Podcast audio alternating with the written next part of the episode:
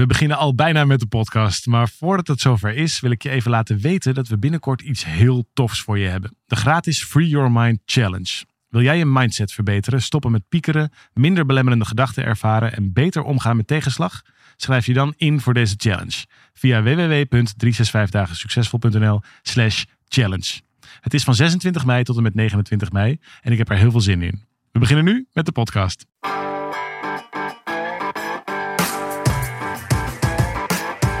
Van harte welkom bij deze podcast van 365 Dagen Succesvol.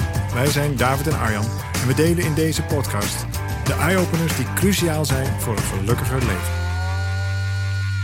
Van harte welkom bij deze podcast. Tegenover mij zit David, ik ben Arjan. En leuk om weer even met elkaar de, de diepte in te gaan. Zo, wat is, het is, begint inmiddels eind 2020 te worden, David. Vroeg donker. Nou, alweer uh, kerstbomen optuigen of nog niet? Nou, dat komt natuurlijk vanzelf. En afhankelijk wanneer je deze podcast eh, consumeert, dan zou het maar zo kunnen zijn dat je volle bak in de slinger zit. Maar goed, voordat we ook echt eh, de, die diepte ingaan, leuk als je je even abonneert op je favoriete podcast app. Of in ieder geval abonneert op onze podcast in je favoriete podcast app. Leuk als je terugpraat, leuk als je dit deelt, want we maken het uiteraard voor jou. We maken het met veel liefde en plezier. En dan is het ook fijn als we weten wie je bent. Ja, en uh, zo maken we met elkaar samen van Nederland het gelukkigste land van de wereld. Je weet ongetwijfeld onze grote missie.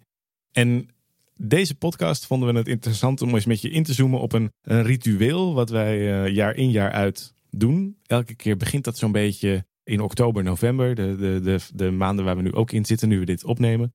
En dat eindigt dan, nou ja, of nee, het wordt definitief het land op de grond. Klinkt misschien nu nog wat vaag, maar dat wordt zo meteen helderder. Ergens in januari meestal. En daar hebben we dan vervolgens een heel jaar profijt van. En het leek ons interessant om eens met je te kijken, waar hebben we het nou over en wat heb jij daaraan? Want het helpt ons al heel veel jaren om focus te houden, richting te houden, goede keuzes te maken. En eigenlijk stap voor stap te groeien naar die grote missie om van Nederland het gelukkigste land van de wereld te maken. En daar ondertussen ook nog een beetje leuk leven bij te hebben. Waar hebben we het over, David? Nou, voordat we dat gaan doen, schiet mij ineens iets anders door mijn hoofd. Oh want het komt namelijk ergens vandaan. Ja. Dus het wordt nu al heel erg cliffhanger over cliffhanger. Maar wat we namelijk doen is eigenlijk een vervanging van iets anders. Wat we namelijk hebben gezien, en dat hebben we ook een aantal jaar geleden ook opgeschreven in ons boek, is dat die goede voornemens zo slecht werken. Oh ja, daar komt het vandaan. Daar komt het vandaan. En daar hebben we toen ook naar gekeken van waarom werken nou die goede voornemens zo slecht? Omdat daar een potentieel stuk zelfafwijzing in zit. Ja. Eigenlijk zeg je namelijk, ja, ik heb in bijvoorbeeld in 2020, dan kijk je even terug op dat jaar. En wat de meeste mensen dan doen, die kijken dan terug over wat er niet is geweest of wat ze dan niet hebben gedaan en waar ze dan in nou, 2021 dan meer van zouden willen. En dan gaat het bijvoorbeeld over mijn goede voornemen, een klassiekertje open deur, maar goed, mijn goede voornemen is dan stoppen met roken. Ja, waarbij je dus heel hard tegen jezelf zegt, ik ben niet goed als ik rook. Nou ja, in ieder geval is 2020 dan niet oké geweest. En daar zit dan een stuk afwijzing. Nou is er natuurlijk niks mis met het hele idee van stoppen met roken. Alleen als je dan vervolgens kijkt naar de statistiek dan blijken de meeste mensen na zes weken al niet eens meer te weten wat hun goede voornemen was. Ja. Laat staan dat het dus voor je werkt. Ja, het zijn altijd voornemens waarbij je in zekere zin een stuk van jezelf niet goed genoeg vindt. Of waarvan je misschien zelfs vindt dat je eerst moet veranderen om een stuk van jezelf oké te vinden. Dus bijvoorbeeld, ik moet eerst uh, afvallen. En uh, ik ga, mijn voornemen is om kilo's te verliezen. Zoveel kilo in het volgende jaar. Of mijn voornemen is om minder stress te hebben. Of mijn voornemen is om mijn vrienden vaker te zien. Of mijn voornemen is om dit jaar wel mijn huis aan kant te houden. Dat zijn allemaal voornemens. Die misschien denk je dat ik ze verzin, maar deze komen allemaal uit de top 10 van de meest genoemde voornemens. En in al die gevallen zeg je eigenlijk tegen jezelf: Nou, van pas als dat en dat gebeurd is, dan ben ik oké. Ja, en daarom heet het natuurlijk ook goede voornemens. En het tegenovergestelde van goed is dan foute gewoontes. Ja. Dus minder goede gewoontes. En die ben je eigenlijk aan het, nou, soms dan positief of soms heel streng voor jezelf aan het formuleren. Maar wat het vooral doet, het gaat helemaal niet over of dit nou inhoudelijk goede voornemens zijn. Dat is natuurlijk hartstikke goed als je vindt dat je moet stoppen met roken. Ga dan stoppen met roken. Wacht alleen niet tot 1 januari. Als je echt de behoefte voelt om niet meer te roken, dus gezond te zijn, doe dat dan gewoon. Dus het punt zit hem hier niet zozeer in of het nou goed of slecht is qua formulering of ding. Het blijkt gewoon dat het niet werkt. Nee, en voor een deel komt dat natuurlijk door die geconstrueerde datum. Want dat maakt dat veel van die voornemens ook een beetje sociaal, sociale normen zijn in plaats van dingen die je echt wilt. En het komt ook voor een belangrijk deel dat we gewoon met elkaar te weinig weten over hoe verandering werkt. Als je echt iets wil veranderen in je leven, dan is dat vaak niet van de ene op de andere dag. dat soort revoluties, dat zie je misschien wel eens een keer in, uh, in Hollywoodfilms of in enthousiaste zelfhulpboeken. Dat je van de een op de andere dag je leven kunt veranderen. Alleen werkt het in de praktijk bij de meeste mensen simpelweg niet zo. En is het veel meer een uh, periode van lange adem, waarin je kleine stapjes zet en langzamerhand toegroeit, stap voor stap voor stap, naar hoe je graag zou willen dat het is. In plaats van dat je jezelf dwingt in een soort geforceerde, krampachtige eh, breekpunt wat je in je leven organiseert. Om het van de ene op de andere dag anders te doen. Want dat... dat is alleen het zichtbare deel. Kijk, eh, natuurlijk helpt het ook niet om heel langzaam af te bouwen met die sigaretten bijvoorbeeld. Dat houdt jezelf namelijk nog gigantisch verslaafd. En op elk zwak moment ben je ook meteen weer terug bij af. Ja. Maar wat, wat de meeste mensen niet zien en ook niet ehm, belangrijk maken, is het voorbereidingsproces. Ja. Want eigenlijk wat je te doen hebt, zijn nieuwe neuropaden maken. Dus je hebt nieuwe gewoontes te maken. En die gewoontes die, die wen je jezelf beter aan als je het in routines doet. Dus in kleine dingen die je regelmatig doet. Dan worden het namelijk gewoontes, net als tandenpoetsen en dat soort dingen. En dan wordt het een soort een pad in je leven. Ja. Een gewoonte in je leven. Wat voor jou veel makkelijker is om dat dan ook gewoon nou, te doen. En dat ziet dan aan de oppervlakte ziet dat er heel erg uit als, nou ja, toen ben ik gestopt met roken. Maar daar ging natuurlijk een heel proces aan vooraf.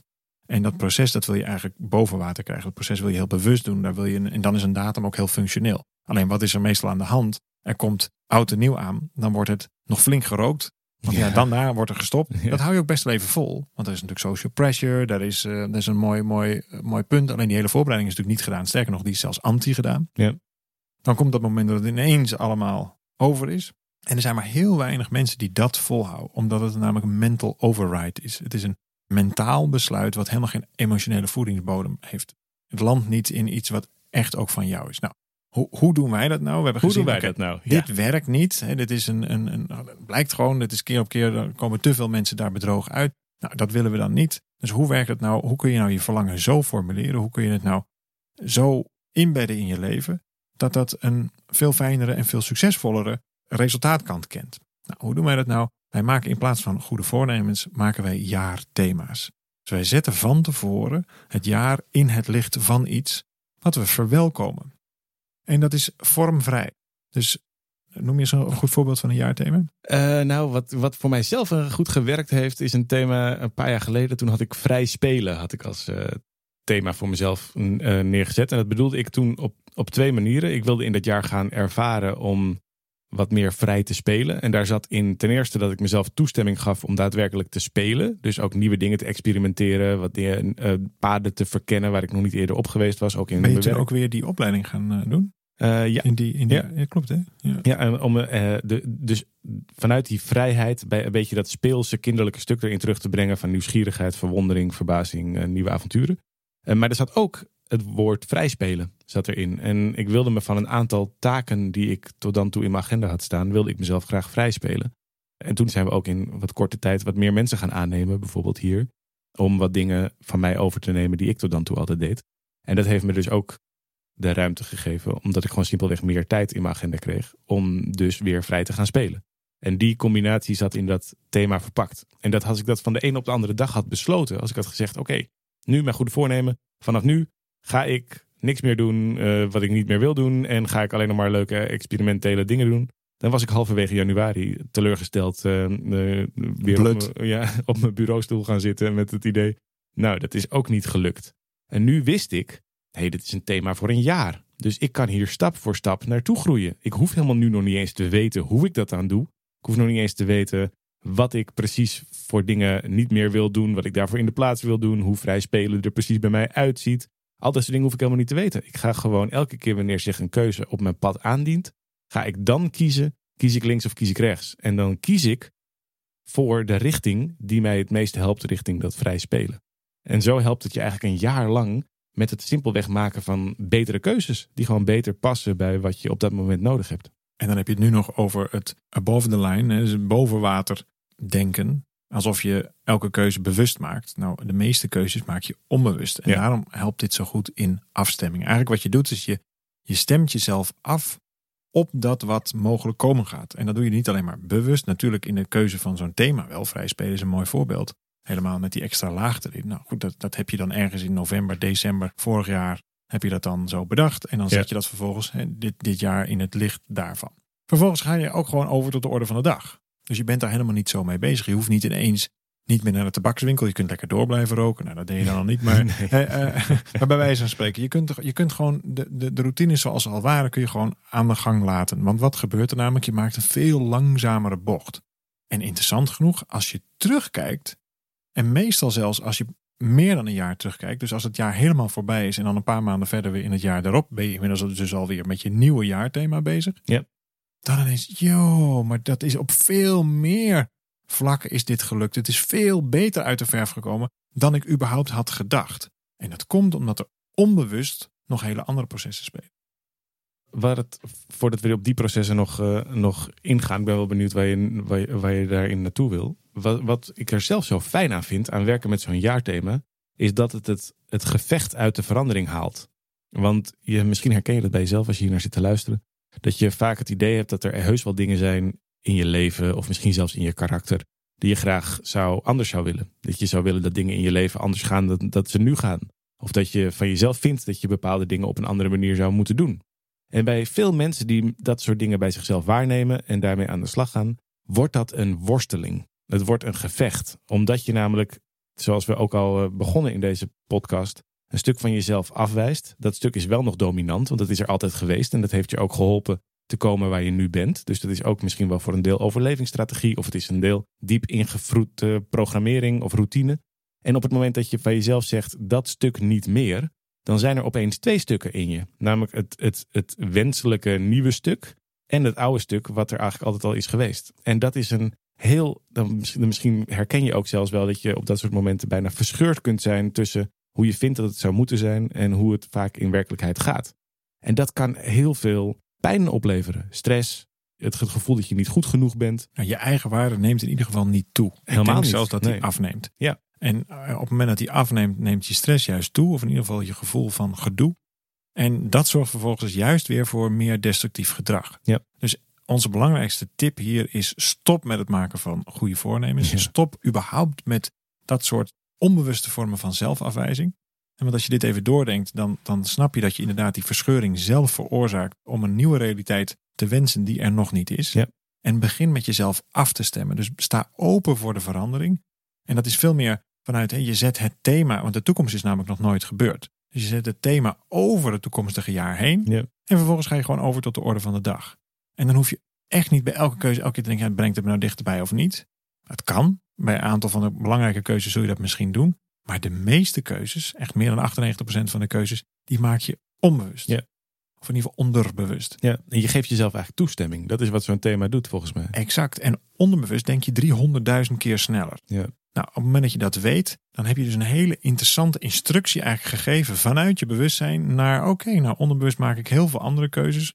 Die, nou, die gaan zo'n beetje in de flow, maar daar gaat het dus en een stuk sneller Ja. en maak je verderweg de meeste keuzes. En op dat instructieniveau zijn we eigenlijk heel slecht in instructies geven aan daar waar we dus de meeste keuzes maken. Die afstemming is vaak heel willekeurig. En dan kun je dus ook ineens wakker worden in een leven wat helemaal niet over jou gaat. Dat je denkt, hé, hoe is dit nou, hoe is dit nou gekomen? Ja, omdat je dus al die dingen onbewust bij elkaar hebt gekozen, daar ben je echt nog steeds zelf verantwoordelijk voor. Alleen herken je je er niet meer in. Nee, en omdat je dan gedreven wordt of gestuurd wordt door eh, externe factoren. Door datgene wat er buiten je op je pad komt. Maar het lijkt zelfs alsof je dat je eigen onbewuste ook een externe factor is geworden. Oh ja. En dan word je een soort slachtoffer van jezelf. Waarom ben ik hier nou weer in terecht? Hoe heb ik mezelf nou of weer waarom dit heb ik nou dit weer gedaan? Of waarom is het me nou weer niet gelukt? Alsof Ja. er dus een soort iets van buiten is wat ondertussen van binnenuit kwam. Snap je dat? Ja. En, dan, en dat is eigenlijk dat hele idee van zelfafwijzing in essentie.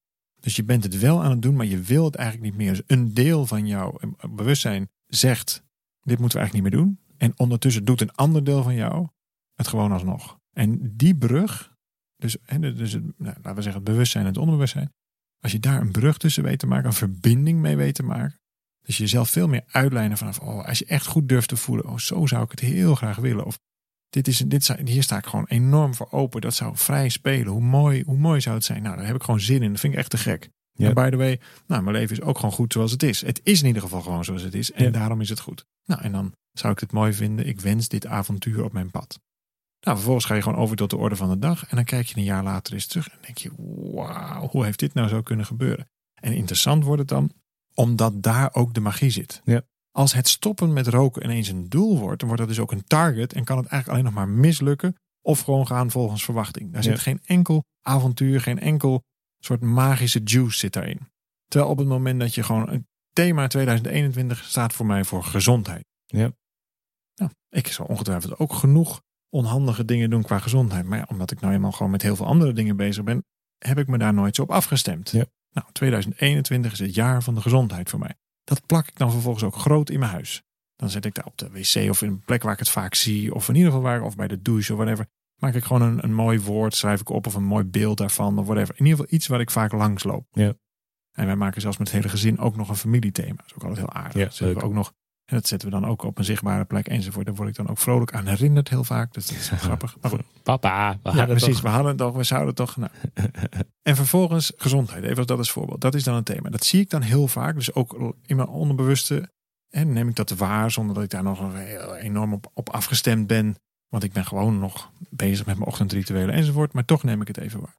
Dan zul je dus zien in de loop van dat jaar dat ik automatisch gezondere keuzes ga maken. Van wie kwam dat dan? Eigenlijk ben ik begonnen met mij af te stemmen. Dat ik mijn onbewuste keuze, bijvoorbeeld ik zit in een restaurant. Nou, soms mocht dat, soms, soms kan dat misschien weer ooit. Ja, maar dan zit ik in een En restaurant. als je en dit hoort, mag het weer. ja, hoop ik. En dan is die, die, die menukaart daar. En in een restaurant heb ik dan de gekke gewoonte om dan niet de gezondste keuze te kiezen, maar de lekkerste. Heel veel patat met mayo altijd bij. Toch? Ja, ik hou erg van frietjes en ik hou van mayonaise. En op het moment dat ik in 2021 verklaar als dit is het jaar van mijn gezondheid, kan het zomaar eens zijn dat ik ineens ook de impuls ga volgen zonder dat ik dat heel erg zo door heb. Dat ik denk, nou laat ik er maar een salade bij bestellen. Met lekker veel dressing. Oké, nee, maar je snapt, je snapt de strekking van ja. dit punt, toch? Ja. En dan wordt het ineens een heel leuk avontuurlijk spel. En dit is natuurlijk een beetje een stom voorbeeld. Maar op het moment dat je dit een heel jaar lang gaat doen. Heel helder Dat ik- vind ik het, ja. Dat ik wel een keer meega op een uitnodiging van zullen we gewoon eens eh, één keer in de week een yoga klasje gaan doen enzovoort. Dat ik denk, ja, wat goed, past goed bij mijn thema, laten we het gaan doen. Ja.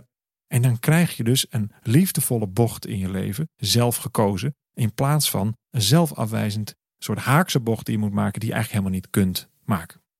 Hoe doe je dat nou? Zo'n jaarthema maken. Het helpt om te beginnen dat, het, dat alles goed is. Je kunt dit niet verkeerd doen. En daarmee hoef je ook geen eh, goedkeuring te krijgen of anderen het ook een goed thema vinden of dat wij dat vinden of eh, wat dan ook. Je hoeft het alleen maar voor jezelf te bepalen. Het kan alle kanten opgaan. Ik weet van, van David en mij, we hebben een keer als thema gehad. Je hebt een keer family first als thema gehad. Je hebt een keer ondernemerschap als thema gehad. Ik heb een keer als thema gehad vink. Misschien dat je dat denkt, hè, wat is dat nou? Maar dat was een soort combinatie. Ik hou altijd van een beetje taalspelletjes. Het was een combinatie van dat ik enerzijds een heel aantal losse eindjes wilde kunnen afvinken. Dat ging van klusjes in mijn, in mijn huis tot allerlei dingen die, waarvan ik vond dat ze nog even moesten gebeuren. Maar het ging ook over zo vrij als een vink, hè, als een vogel.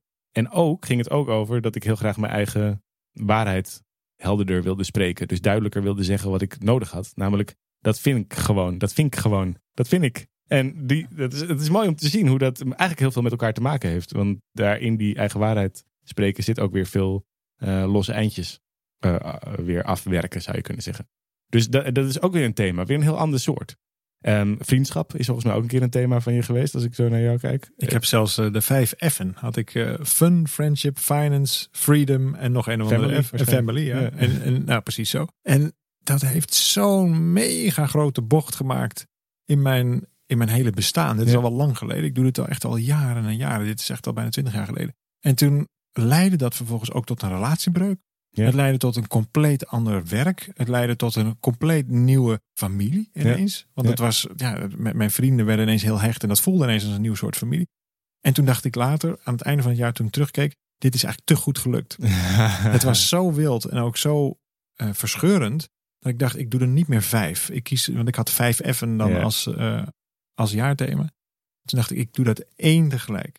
Ja. En toen heb ik jaren later inderdaad een keer Family First gekozen. Omdat ik echt heel veel zin had om gewoon veel tijd met het, eh, met het gezin door te brengen. En toen zijn we ook 13 weken op vakantie geweest. Ja. In dat hele jaar.